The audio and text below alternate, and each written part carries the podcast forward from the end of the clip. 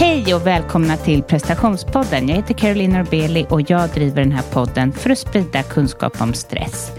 Jag gör också det här för att jag vill ta reda på hur presterar man och mår bra och hur lever man i den här världen och mår bra. Eh, ja, ni vet, jag har ett nyhetsbrev eh, som ni, ja, där ni får de bästa tipsen från mina gäster. Och den kommer ut en gång i månaden och det är också tips på mina retreats och annat. Och det får ni inte missa. Så eh, är du intresserad av det, gå in på carolinorbeli.com.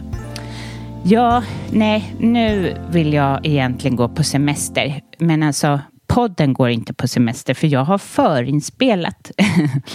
Ni kommer kunna få lyssna. Det är mycket utmattningsresor och spännande gäster eh, under hela sommaren, vilket känns kul. Podden för mig känns ju inte som ett jobb som som det egentligen kanske är. Nej, det är mer som en hobby. Jag älskar ju att prata till er, så jag kommer göra mina små försnack och ni kommer få höra hur jag har det och mina tankar och eventuellt om jag får till ett eget avsnitt. Men jag efterlyser lite spännande människor till podden. Eh, helst inte yogalärare eller coacher, för det är de som tenderar att höra av sig till mig. Eh, även om många är så enormt kloka eh, och har enormt mycket att säga. Men jag skulle vilja ha lite mer bredd och undrar, ni, känner ni någon som har utmattat ut sig eller gör någonting annat eller eh, ah, på grund av att den har mattat ut sig eller någon som vill berätta om sin resa eller bara spännande människor eller eh, kanske kunniga människor om hjärnan eller eller hur man påverkar sina tankar, vad som helst. Eh, ni får jättegärna gå in på carolinorbeli.com nej, nej, nej, förlåt, nu är det jag som eh, ni får gärna skicka ett mejl på caroline.prestationspodden.se eller connecta med mig på Instagram och skicka ett DM. Jag skulle bli väldigt glad och väldigt tacksam. Jag har hittat lite intressanta gäster nu till hösten och eh, ja, hösten kommer bli riktigt spännande. Ja, jag tänker, jag har haft mycket i tankarna på senaste jag, som jag inte har fått ut på mitt Instagram. Men jag har det som, jag, som är så tydligt nu eh, bland när jag coachar och bland mina vänner och allting. Den här kvinnans roll, alltså den pratar vi om för lite i podden. Utmattning ofta beror på att kvinnan får jobba dubbelt. Jag har extremt mycket duktiga kvinnor som de sitter på jättebra jobb och tjänar jättemycket pengar men deras män kanske är ännu mer framgångsrika vilket gör att de får ta hela hemmet också. Och barnen. Och det är liksom helt otroligt hur de får ihop det. Och det spelar ingen roll om man är framgångsrik eller inte för man orkar inte jobba dubbelt. Som jag som har kontaktyrke, alltså som coach. Det är liksom... Jag skulle aldrig palla att det var jag också som helt själv skulle styra ett helt hem. Men det gör ju många kvinnor fortfarande. Och eh, jag tänker att det är ett viktigt ämne att ta upp nu eh, inför sommaren. Så att ni inte står där hela tiden att det är ni som planerar varenda mat, maträtt. Eller om du nu är man och har en o, eh, osund, alltså ojämn roll, att det är du som tar allting. För det är inte bara så att vi kvinnor, vi tar inte bara eh, hemmet och det praktiska. Och, utan många av oss tar även det emotionella och det kan vara eh, liksom nog så tungt. De flesta har ju någon i familjen kanske som är lite extra krävande och vem ofta, jag säger ofta, ni får inte bli arga och skicka mig massa meddelanden om att jag gör skillnad på könen, men det finns faktiskt i statistiken att den kvinna som bränner ut sig, det är oftast när de har fått två barn. Och varför? Det, det, och det börjar väl den här ojämnheten, förutom att vi har strukturella problem och det är nedärvd historia, så börjar det väl också med att det är vi kvinnor i början som tar hand om barnen mest och får mest insyn. Och männen, det är nog jättejobbigt att stå vid sidan av och bara titta in och liksom inte känna sig inbjuden. Ehm, jag kom, amen, som att de inte ens vet var kläderna ligger och så. Det där är ett sånt problem. Jag har jättemånga kvinnor som kommer till mig och vill, liksom, de vill skapa förändring. De vill eh, göra sin dröm, kanske starta något eget eller så. Men den stora bromsklossen är att de, de driver redan ett företag helt själva. De tar hand om eh, allt och det finns inte utrymme för att leva sin dröm om man inte blir mer jämlik. Vi lever ju ändå nu, 2000-talet, mannen kan också bjudas in till det. Och jag, ni, du som lyssnar, du kanske tänker så här, men så här har jag inte. Men du kanske har så här lite grann. För nu pratar jag ju om extrema situationer, men jag tror faktiskt att det är många som har så. Kvinnorna ser extremt stressade ut kring så student och jul och så. Ja, och jag vet inte, jag tror också kvinn, vi kvinnor har svårt att släppa den rollen. För vem är vi om inte vi fixar allting då? Det är som att det har mormor gjort och det har farmor gjort och det går tillbaka till historien. Och eh, är du inte en sån som har den här fixar grejen och du kanske inte är den här planeraren och den här oumbärliga projektledaren så kanske du är den som tar allt emotionellt. Eh, när barnen krisar så får du vara där och de kanske krisar hela tiden. Och varför jag pratar kring det här just nu är för att ja, men sommaren, du ska också få ledigt. Eh, du ska inte behöva vara den som planerar allt. Jag tänker så här, är det så ojämnt i er relation, börja i det lilla. Börja prata med din man om det. Jag tror att han också, eller kvinna då om det är så, eh, också känner att han vill bli inbjuden. Jag tänker så här när jag kommer tillbaka från mina retreats, då känner jag mig lite då har jag klivit av ekorrhjulet, vet jag knappt hur jag ska komma in. alltså det tar två sekunder sen jag är inne, men du vet, man bara står där och ser så här, gud, allt det där ska man göra. Och det är kanske så den parten som bara jobbar och skiter i allt och planerar ingenting och vet inte vad, eh, vem som fyller år eller vad folk heter ens en gång, utan du ska hålla koll på allt. Men eh, ja, nu blir det här kanske lite obegripligt, men ta chansen den här sommaren och liksom bryt det här mönstret. Och det är inte lätt att bryta. Det tar tid, det gör det. Men börja bli medveten om hur knäppt det är er, liksom, er man kan också planera. Eh, Okej, okay, ja, det kan ju vara så att man ska göra det man är bäst på, men man måste ändå mötas någonstans. Eh, så planera om.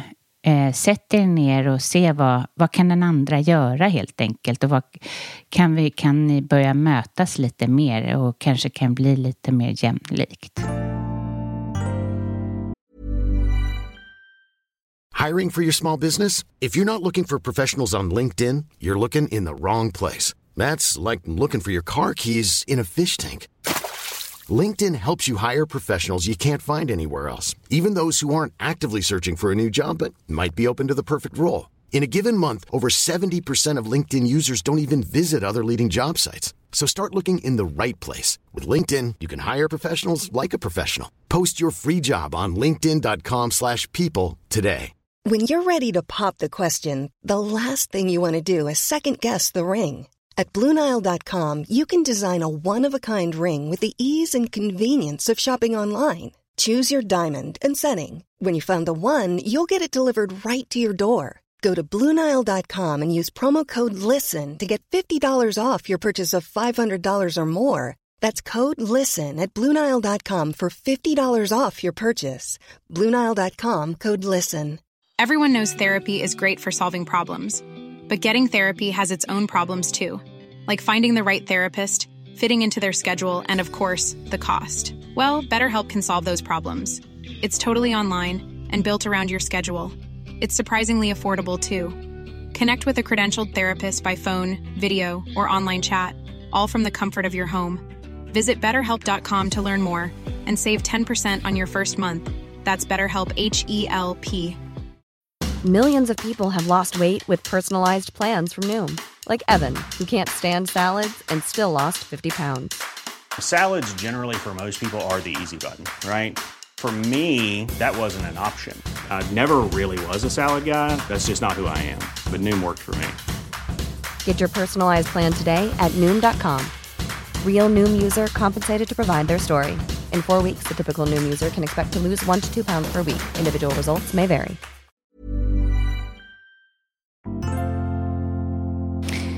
Till hösten så har jag platser i min coaching. Inte så många dock. Eh, så är du intresserad så gå in på carolinorbeli.com och signa upp så kan vi träffas på ett eh, 30 minuters kostnadsfritt möte. Och eh, som jag tidigare sagt så min coaching handlar inte om att du ska bli någon annan för att få ett bättre liv. Det handlar snarare om att du ska skala av det som inte är du. Och eh, på så sätt så minskar du stress och skapar mer klarhet. Och vi jobbar i fyra steg där vi först identifierar problemet, arbetar tillsammans med självläkning och acceptans för att sen bygga ett starkt självledarskap. Och Eh, det här självledarskapet ska göra att du mår bra långsiktigt. Är du intresserad av det så signa upp helt enkelt. Jag har också ju september, alltså den 14 september startar jag en kurs ehm, och eh, där jobbar vi lite på samma sätt fast i grupp och eh, vi går igenom ämnen som prestationskrav, stresshantering, tankar, självkärlek, rädslor och vi gör det i grupp men man måste inte dela om man inte vill. Vi ses på Zoom och jag föreläser. Ni får eh, uppgifter och vi diskuterar. Jag tror att det här kommer bli en underbar eh, ja, underbar kurs och så är du intresserad av det så är det samma sak där. Gå in på carolinorbeli.com och signa upp.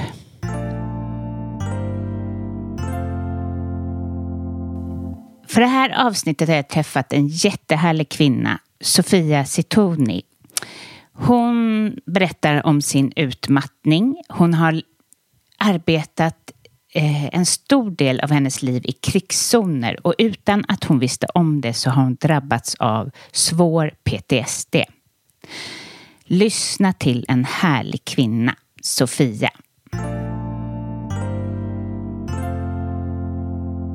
Hej och välkommen till prestationspodden Sofia. Tack så mycket. Hur har dagen varit? Den har varit fin. Jag har fått ta på mig min sommarklänning äntligen. Så jag är ja. överlycklig. Visst är det härligt? Det är jättehärligt. Ja. Vad eh, jobbar du med i dagens läge?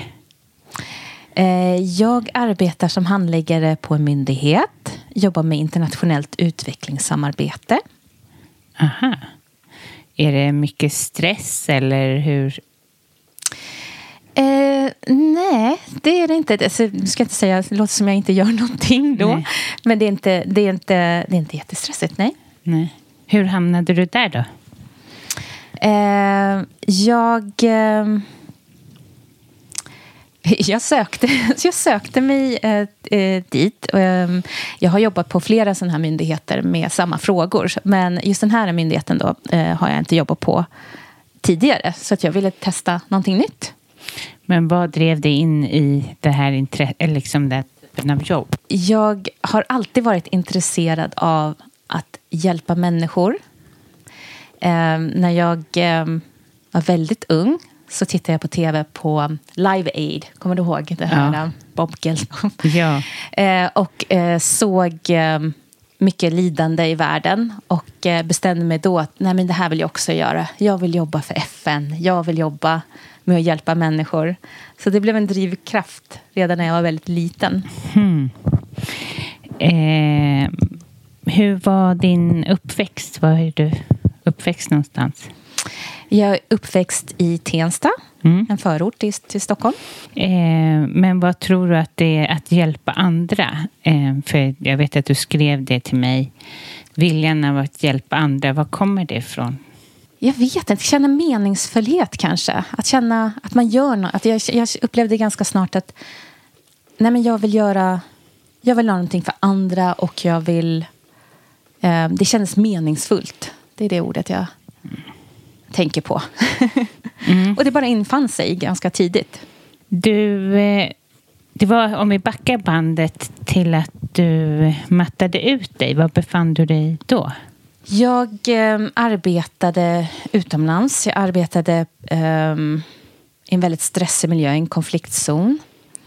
Eh, och eh, jag, visste inte, jag visste inte det redan då, att jag hade blivit... Eh, att, jag, att jag befann mig i den situationen. Jag visste att det var väldigt stressigt, men för mig var det liksom vardag på något sätt. Och det drev mig och jag tyckte att det var roligt. Eh, sen flyttade jag hem till Sverige. Var var du då någonstans? Jag var eh, i Palestina, eh, Ah. i en stad som heter Hebron. Ja, och där var det krig. krig. Det, var, det, är, det är en konflikt, eh, det är, ja, det är ett område som är påverkat av konflikt. Ja. Ja, Ständ, är det fortfarande det? Ja det är det. Ja. det är, ehm, ja. Tänk vilken lång konflikt egentligen. Ja. Ja. Men hur var det där då, att vara där för dig? Det var, jag var där ungefär två år. Ehm, så för det blev ju vardag efter ett tag. Och jag har arbetat, eh, jag arbetade där tidigare, f- eh, 15 år tidigare. Jag jobbade i Jerusalem. Eh, och um, var en väldigt bekant miljö. Men det var nytt för mig att arbeta i den rollen som jag hade. Eh, och jag var, vi jobbade också väldigt mycket Vad eh, var det för varje dag. roll? Jag jobbade som rådgivare em, för en, eh, en eh, eh, observatörsstyrka. Oj, det var, låt, vad spännande. Det låter väldigt spännande. Ja, ja det var det. Eh, det var det faktiskt. Vad kommer du då med för råd, eller vad man ska säga? Hur arbetar du? Jag jobbade som politisk rådgivare, så jag Ja. följde det politiska läget och gav... ehm, ja, så Mm. politik. Ja, imponerande. Och hur var det för dig? Liksom, trivdes du med det? Eh, jag, triv, jag trivdes med det. Ehm, jag tyckte väldigt mycket om mitt jobb, men jag jobbade hela tiden i princip. Jag kunde inte riktigt släppa... Dessutom så är man ju liksom eh, hela tiden... Det man jobbar med är hela tiden närvarande. Så man kan inte gå hem efter klockan fem och sen kan man... eh, Man kan inte stänga ner, utan man är liksom... Det hela, allting är liksom hela... Jobbet är nästan 24 timmar om dygnet.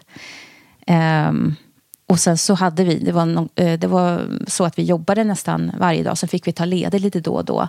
Så det var inte så att vi hade helger och kunde ta ledigt. Så jag fick liksom aldrig någon eh, tid för återhämtning, inser jag nu. Men jag förstår. Ja. Eh, och vad ledde det till, eller hur? Det, det, det rullade på. Jag, ehm, jag märkte inte av så, så mycket just då, i, i, när jag arbetade. Jag visste ju att jag... ehm, så jag kände inte, liksom inte av någon symptom, utan det kom ju senare. Men så att för jag bara körde på, liksom. eh, och ehm, utan någon som helst typ av återhämtning. Ehm, så det blev vardag. Har du någonstans fått lära dig hemifrån att det är okej att köra på sådär, eller? Ja, eller hemifrån. Jag, inget, jag tror inte att jag hade... Jag tror inte att jag hade med mig det tänket. Liksom. Jag, hade inte, jag hade inte med mig det, och det är det jag också har insett nu. Att jag, jag, hade inte, jag hade nog inte en... Förstå, jo, jag förstod att jag kunde, behövde ta ledigt lite då och då och eh, till stranden. Eller liksom, men jag hade nog inte eh, medvetenheten om vad det innebär att ta hand om sig själv. Och att liksom helt koppla bort och ehm, stänga ner och ehm, lyssna inåt. Det, den kontakten hade jag inte med mig själv. Vad, vad hände sen om du berättar? Hur ledde det sen till utmattningen? Jag var med om en väldigt ehm, traumatisk upplevelse. Det var väldigt oroligt på just um, en viss period. Och så det var väldigt mycket demonstrationer, det var väldigt spänd stämning. Och det var väldigt mycket ljud runt omkring. Det var väldigt mycket ljudbomber. Um, och jag um, arbetade väldigt mycket under den perioden. Um, och jag vet att jag... jag ja, så jag var mitt i liksom, Eh, mitt uppe i allting. Och eh, liksom pressa mig själv och, och eh, leverera och prestera i allt det här. Trots att det var en väldigt obehaglig situation runt omkring. Eh, sen gick... Sen åkte jag hem till Sverige och jag kommer ihåg att jag kort därefter, en vecka efter, skulle jag hem på julledighet. Och så kommer jag ihåg att jag satt på ett café tror jag satt, och eh, lyssnade på julmusik.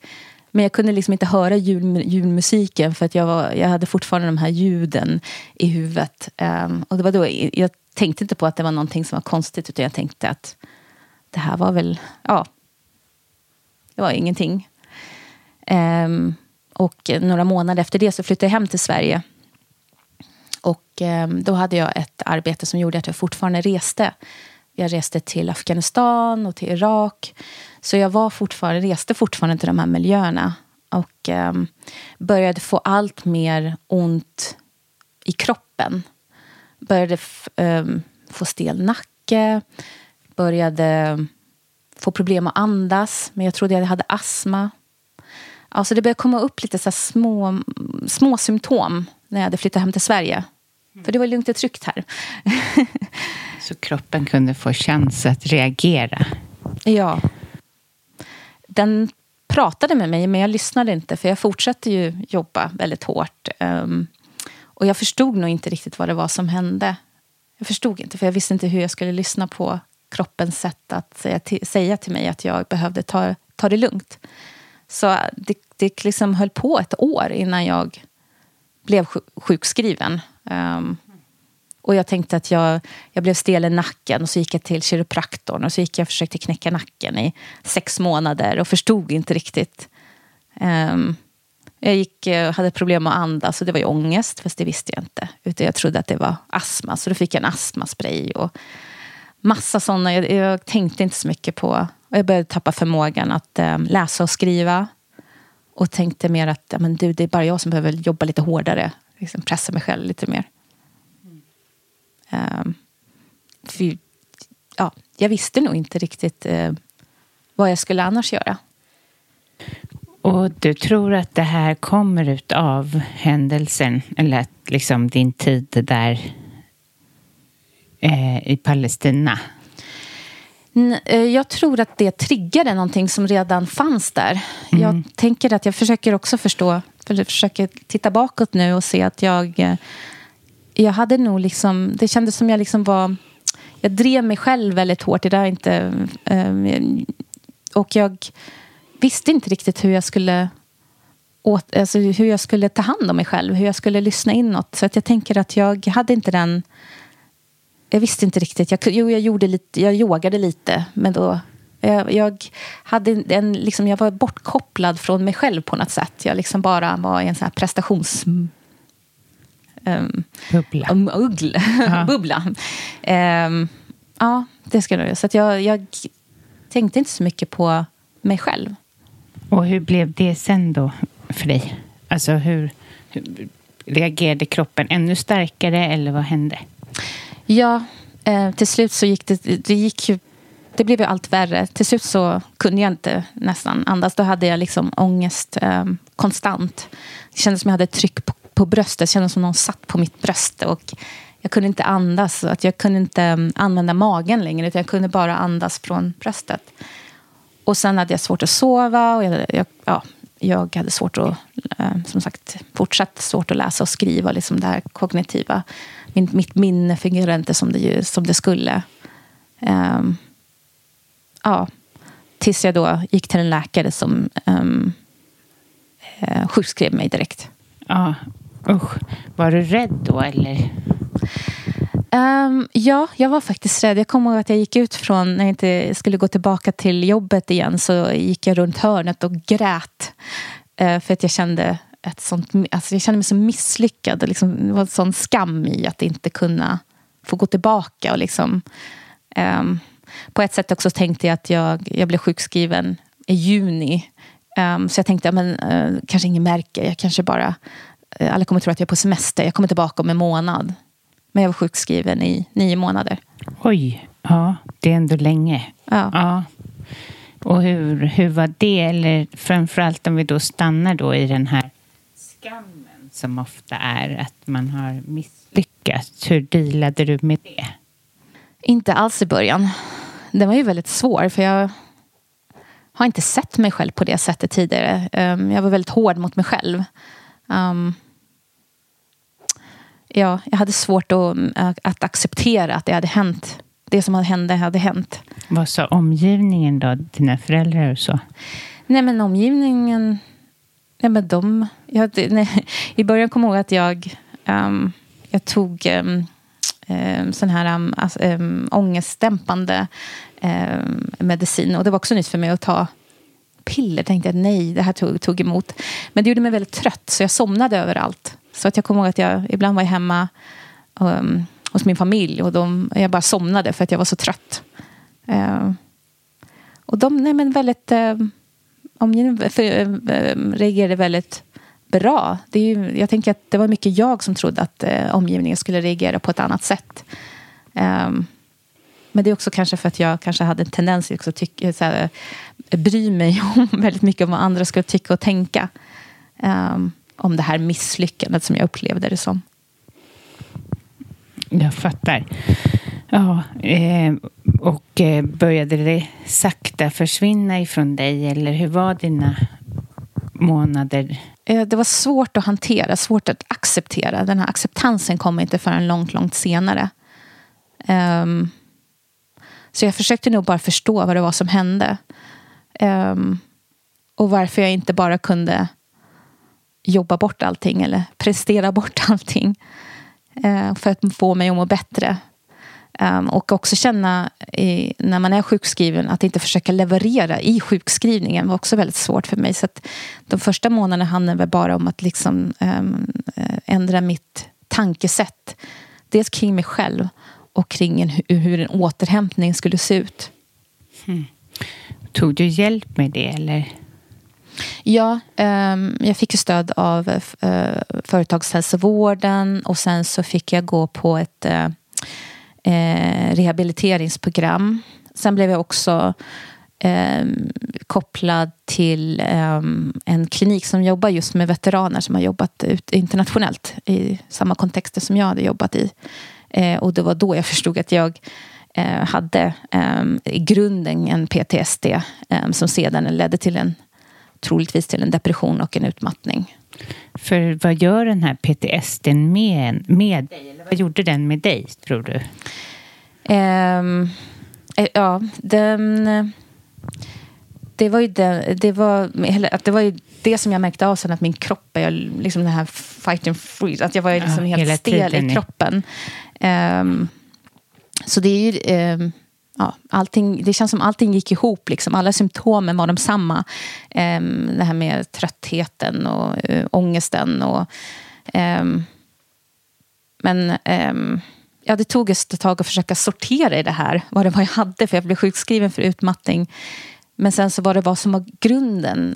det, det, fick jag reda på långt senare. Att det här var troligtvis det som hade för, lett till det till utmattningen. Och är det att kroppen alltså var typ i chock ja. på något sätt? Ja. ja. Så jag kommer ihåg att jag, det är fortfarande faktiskt min, nu är jag lite mer omtänksam mot min lilla nacke. Jag får alltid, om jag känner, om jag fortfarande, om jag, om jag är väldigt stressad och har haft en period då jag genomgått väldigt mycket stress så blir min vänstra nacke väldigt stel. Och det är som en sån här liten, ah, okay. det är som en liten varningsklocka. Det förstod jag inte förut. Men den, det var inte bara nacken, det var hela kroppen som var stel. Men nu så är det, det här som min lilla varningssignal till att okej, okay, nu måste du, nu, nu är det dags för lite återhämtning. Så jag är lite tacksam för det nu. Precis, att, att tacksamheten att kunna, liksom först, att kunna förstå signaler. Jag förstår precis det där man får massa olika signaler men man har ingen aning om vad det är. Och det är nästan som att det blir löjligt med alla olika signaler. Alltså att man... Jag tror att folk känner igen sig i det. Man springer runt på alla olika ställen och behöver få hjälp, men man fattar inte. Det sista man förstår är att man behöver backa och ta det lugnt. Men i ditt fall, att backa från en PTSD är ju nästan omöjligt. Alltså, där krävs det väl mer. Hur har de hjälpt dig med det? Först och främst eh, var det bara att försöka förstå. Att bara, att bara landa i, aha, det här. Eh, mer än att bara gissa. Så själva, alltså att jag fick själva... Det liksom, att man kunde landa i att det, är det, att det är det det var. Att bara landa i att... Det, för att jag tänker att jag visste ju att det var någonting mer än bara utmattning. Eh, Eh, men att jag, jag bara förståelse för vad det, vad det innebär att ha PTSD. Vad är det som föranleder det? Vad, hur, hur, hur, någon får förklara för en liksom att det här är troligtvis det som händer dig. Och det här är symptomen och det här, så här kan man behandla den. Ehm, men jag blev, fick en remiss i varje fall till en terapeut som jag fortfarande går hos. Ehm, Ehm, ehm, så att de bedömde att eftersom det hade gått lite tid, eftersom jag ändå hade fått behandling för utmattningen, så hade det gått lite tid så um, så fick jag um, terapi. Sen så kan ju de, de hade lika gärna kunnat uh, göra bedömningen att jag behöver en annan typ av form, till exempel EMDR. Eller liksom. Ja, det har ja. jag gått på. Ja. Mm. Men uh, i mitt fall så behövde jag uh, kognitiv terapi. Ja. Och det var det, det var det. Jag visste ju att jag hade varit med om någonting traumatiskt. Men jag tänkte ju eftersom jag har varit med om massa sådana tidigare. För jag har jobbat, ganska, eller jag har jobbat en hel del utomlands och jag har varit med om lite svåra upplevelser. Jag har varit med om um, um, en skottlossning. Um, jag har åkt in i områden där de har bombat. inte just, ja, men, så, så att jag har varit med om lite som för mig är väldigt uh, uh, jobbiga situationer. Och Verkligen. se och um, höra såklart. Mm. Men det hade inte satt sig. För man får ju gå igenom när man gör den här PTSD-utredningen. får man ju se vilka traumatiska upplevelser man har varit med om. Och så gör man en tidslinje och så ser man vad det är som har satt sig. Och då, då visar det sig att det som satt, hade satt sig, det var den senaste upplevelsen. Sen så fick, förstod jag att det kan ju vara någonting som kanske sitter kvar, precis som du sa, för en lång tid tillbaka som mm. triggas. Som, det kan vara någonting, i mitt fall triggades flera, flera år senare av eh, ljudet av eh, ljudbomber till exempel. Mm. Så att det kan ju vara... Eh, här, men just det här traumat var relaterat till det som jag hade Precis. varit med om. Ja, och för dig är det ju mer... Man förstår, du har jobbat inom det här och du har varit utomlands och du har varit i krigszoner och så. Men för andra som lyssnar kanske har varit med om mindre. Ja. ja. Men det är väldigt bra att de, att de, har det här, att de hjälper till på det här sättet och ändå har den här förståelsen. Jag har ingen. Eh, för PTSD tycker jag. Alltså att de tog, tog dig, förstod det. Ja. Ja, ja um, det, det, tog ju ett tag. För att jag gick ju det här rehabiliteringsprogrammet för, um, för utmattning. Um, och vi kom ju från helt alla i det där programmet hade ju olika bakgrund. Allt, allt från någon som var lärare, någon som var... Och så tänkte jag att jag... Ja, eh, vi hade olika bakgrund, men symptomen var de samma. Eh, men sen att jag hade någonting mer, det, det, det visste jag inte. Jag misstänkte att det var någonting just på grund av det som jag hade varit med om, men inte ja, det var därför det var så härligt att få gå till um, specialister som, som är specialiserade på just utredningar om PTSD. Mm. För att kunna antingen utesluta det eller bekräfta att det kanske var så. Att jag ja. hade det. Eller hade ja. haft det.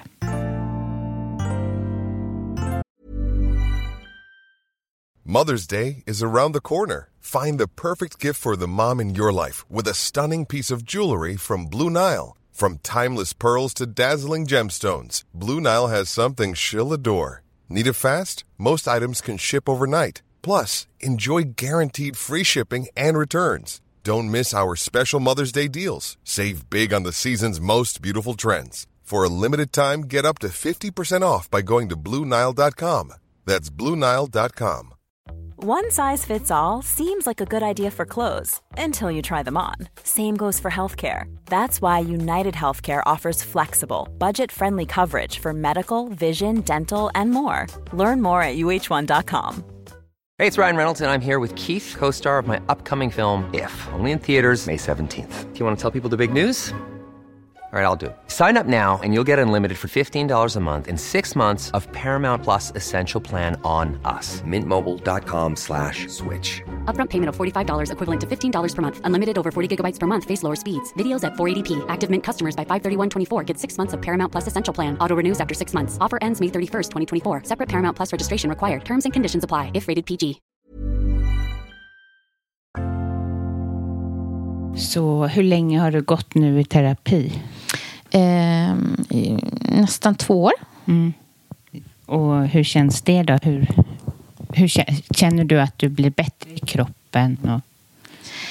Ja, jag har lärt mig lyssna till min kropp mer. Jag har lärt mig förstå och sätta, eh, liksom, ta mig, liksom, eh, sätta perspektiv på saker och ting. Um, sen går jag till en, eh, en, en viss typ av terapi som är väldigt självsnäll, det är akt. Um, så att jag har också lärt mig att vara mer självsnäll mot mig själv. Um, och jag... Um, ja, den har, det har varit fantastiskt. Det har varit, hjälpt mig otroligt mycket faktiskt. Um, och också att det har varit... Um, hamna, jag har hamnat hos, en person som också um, förstår det jag har varit med om. För att kan relatera till det typ, den typen av arbete jag haft eller den miljö jag har befunnit mig i. Så det betydde också väldigt mycket faktiskt. För du har haft den här drivkraften.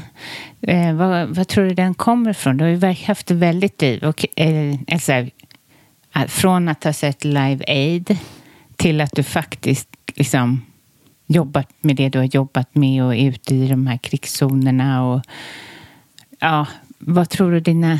Vad kommer den här drivet ifrån? Jag vet faktiskt inte. Jag tror att det, den bara...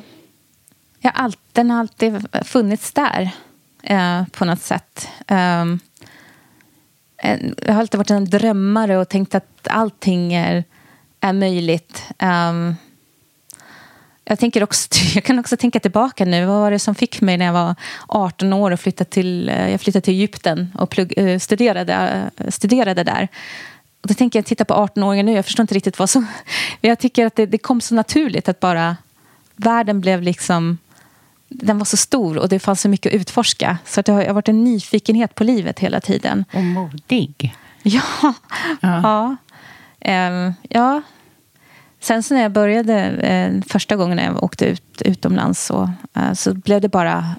Ja, men det är här jag ska... Vet, det känns som min själ är internationell. Den är inte... Den är, den är så mycket större. Och jag bara, det bara drevs av någonting som fanns inom mig. Jag visste det, liksom, det bara föll naturligt att jag skulle um, fortsätta um, bo och arbeta utomlands.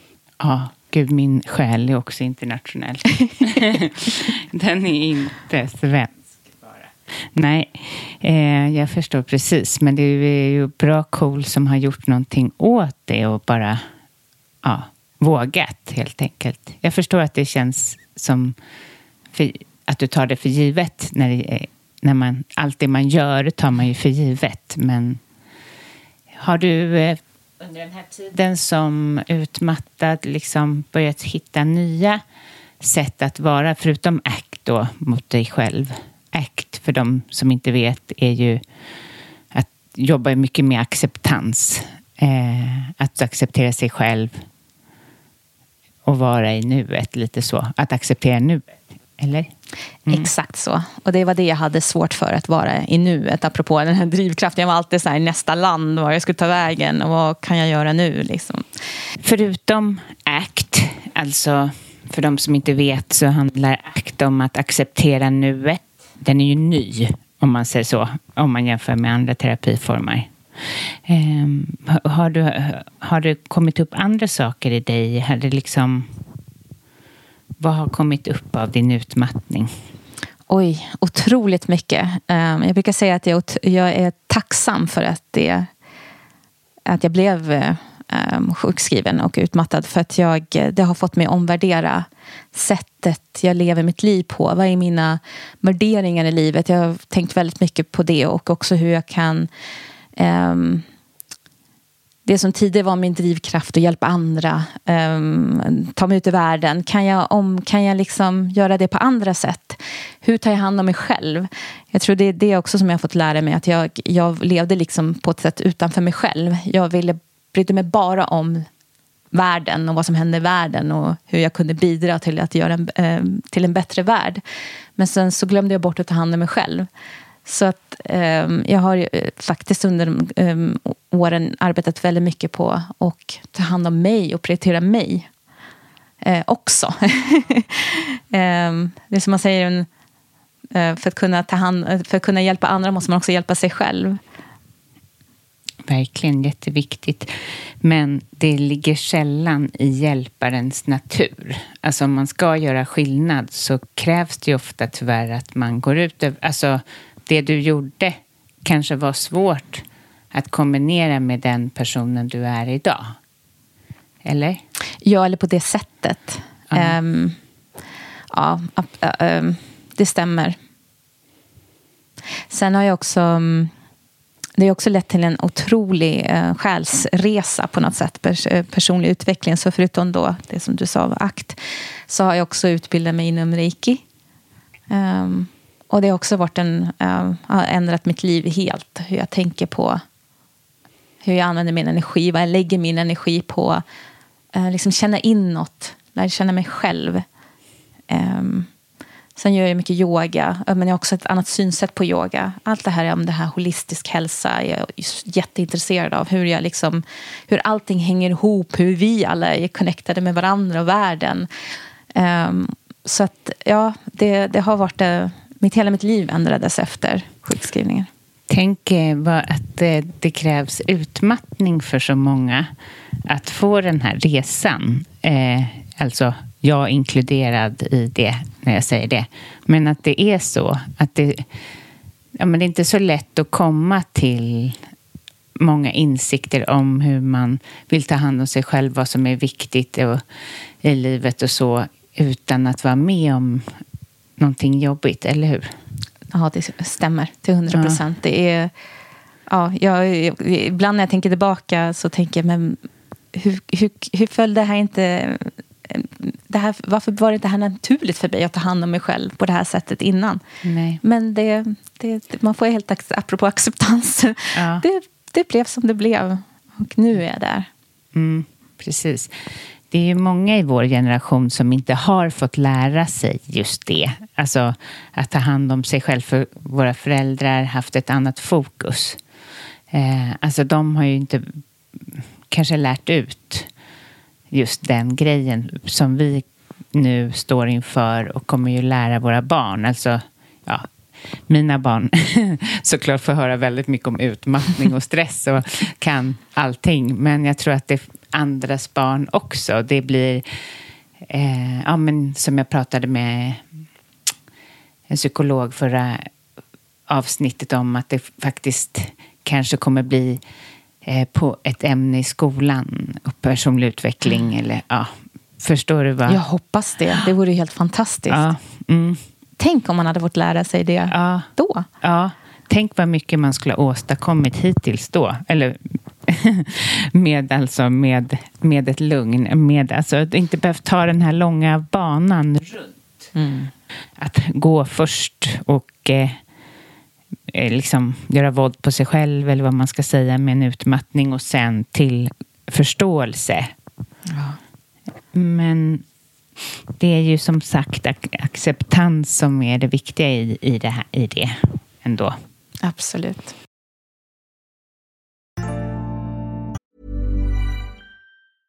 Even when we're on a budget we still deserve nice things. Quince is a place to scoop up stunning high-end goods for 50 to 80% less than similar brands. They have buttery soft cashmere sweaters starting at $50, luxurious Italian leather bags, and so much more. Plus, Quince only works with factories that use safe, ethical, and responsible manufacturing. Get the high-end goods you'll love without the high price tag with Quince. Go to quince.com/style for free shipping and 365-day returns. Mom deserves the best, and there's no better place to shop for Mother's Day than Whole Foods Market. They're your destination for unbeatable savings, from premium gifts to show-stopping flowers and irresistible desserts. Start by saving 33% with Prime on all body care and candles. Then get a 15-stem bunch of tulips for just $9.99 each with Prime. Round out Mom's menu with festive rosé, irresistible berry chantilly cake, and more special treats. Come celebrate Mother's Day at Whole Foods Market. Imagine the softest sheets you've ever felt. Now imagine them getting even softer over time. That's what you'll feel with Bowl and Branch's organic cotton sheets. In a recent customer survey, 96% replied that Bowl and Branch sheets get softer with every wash. Start getting your best night's sleep in these sheets that get softer and softer for years to come. Try their sheets with a 30-night guarantee. Plus, get 15% off your first order at bowlandbranch.com. Code BUTTERY. Exclusions apply. See site for details. Men den här skammen och allt, har det försvunnit? Ja, det har den. Ja, den, den försvann. Det tog ett tag innan den försvann. Men den hörde ju hemma i en eh, prestationsbaserad självkänsla. Att Mm. om jag inte kunde leverera och prestera så var det bara... Mm. Och jag kunde inte ha den här drivkraften. Jag förstod inte vad jag var utan den. Eller vad jag var utan att eh, kunna jobba på det sättet. Eller med de frågorna. Vem är jag om jag inte är mitt jobb? Eller det jag gjorde tidigare. Um, det, det, det, det tog ett tag. um, för den att försvinna. Och eh, hur, när gick du tillbaka till ditt jobb då? Hur, hur lång tid dröjde det? Ja, det, det dröjde ju åtta månader tills du gick tillbaka till jobbet. Ja, exakt. Och sen mitt i pandemin. så det blev ju automatiskt så att jag, eh, vi, vi gick inte att resa. Så att det här internationella blev ju hemarbete som för alla andra. Eh, Så det var ju också en omställning. Så jag tror att jag, eh, när jag skulle gå tillbaka till eh, mitt arbete och börja arbetsträna så tror jag att jag hann med en vecka. Sen, så för, skickades vi alla hem. Kom mitt i det pandemin. som en lättnad för dig då? Ja, ja, ja, det är ju lite svårt att komma tillbaka apropå det här med... Det, var Ja. lite, det, det börjar ju lite med sån här... eh, Det är svårt att gå tillbaka eh, till en arbetsmiljö. Man, är liksom, man bara försvann och sen kommer man tillbaka. Eh, Så i och för sig var det bra att jag fick den veckan för att liksom, eh, arbeta med det. Eh, Men det är någonting man pratar om under rehabiliteringen, att det är ett svårt steg att komma tillbaka till samma miljö igen. Ehm, Men vad, om du har, har du något tips till andra hur, hur man ska tänka? För jag tänker många som lyssnar, eller det är många som kommer som jag sa till dig innan, ah, eh, som kanske väljer att gå till ett annat jobb. Men du har ju valt att gå, ändå gå tillbaka till din arbetsplats först och främst. Ja, och jag tror att det var viktigt för mig att göra det, fastän det var svårt. Ehm, det var jätte, jättesvårt att kunna, eh, apropå det här med att man, eh, le, där man eh, s- ehm, att, att tro att alla skulle tänka någonting om mig som hade varit borta eller sjukskriven. Men det sitter ju allt, allt satt ju i mitt huvud. Så för mig var det ganska bra. Alltså det, var en, det var verkligen arbetsträning eh, att komma, till, att komma tillbaka till, eh, till det. Och det gick ju bra. Så att jag tror att... eh, ehm, jag förstår att det är många som... eh, jag bytte jobb sen. När jag, hade, när, jag själv, när jag hade gått tillbaka till att jobb, arbeta 100 procent. Eh, men jag tycker ändå att det var bra att jag fick den arbetsgången eh, på samma jobb. Sen, alla gör ju som, som de. Men i mitt fall var det bra för, Självkänslan. för självkänslan. Ja. Ja. Det kan ju verka som det värsta man någonsin kan tänka sig. Gå tillbaka till något ställe där man har så att säga misslyckats. Ja. Om de andra, man tror att andra ser det så, fast det är ingen som gör det. Men man har det i sin... Men det är väldigt bra att jobba med sina demoner på det sättet att gå tillbaka, även om det inte är där man vill stanna. Nej, exakt. Så jag valde att göra det. det, det och det gick, det gick bra. Um, alltså det var det som, som fungerade för mig. Mm. Mm. Och nu står du inför att ta eh, tjänstledigt. Och eh, berätta. Ja, eh, ja, jag ska ta tjänstledigt i sex månader för att starta eget. Och jag, eh, sen jag kom tillbaka eh, så har jag mm, insett att man kan ha en hobby. Så att jag har utvecklat, jag har eh, start, tillsammans med en före detta kollega startat ett fotokollektiv, en förening. Ehm, och sen har jag, som jag sa, utbildat mig inom reiki också. Och sen, ehm, ja, men jag, jag, jag, kände att jag ville göra någonting med det. Jag vill utforska det och jag vill kunna arbeta med det som känns meningsfullt ehm, på ett annat sätt. Vad är ett fotokollektiv för något? Ja, vi är um, några stycken som har uh, arbetat internationellt som har tagit foton och har historier att berätta. Så att vi berättar historier genom våra foton. Mm. Um, storytelling. Oh, vad mm. fint. Var ligger det någonstans då? Nej, det, det gör vi. Det är här. Ah. Det är i cyberrymden, jag säger. Ja, ja, ja, det är på internet. Ja, ja. Det är på internet. Jag såg framför mig en lokal. Ja, ja. oj, det, det, det gör jag också. Men kanske inte nu. Nej. Ja. Vad är det för hemsida? Uh, det heter Field Photography Collective. Så att vi, um, ja, men vi samlar in historier. Nu har vi också jobbat en del med... Um, vi har haft lite workshop med ungdomar Ehm, då de får också berätta historier och prata om fred och konflikt i världen. Eh, men göra det genom um, fotografering. Vad fint. Kreat, ja, mer kreativt. Cool. Ja, jättekul ja. faktiskt. Så nu vill du ägna dig mer åt det och utveckla det helt enkelt. Och vad härligt att du ger dig själv den chansen.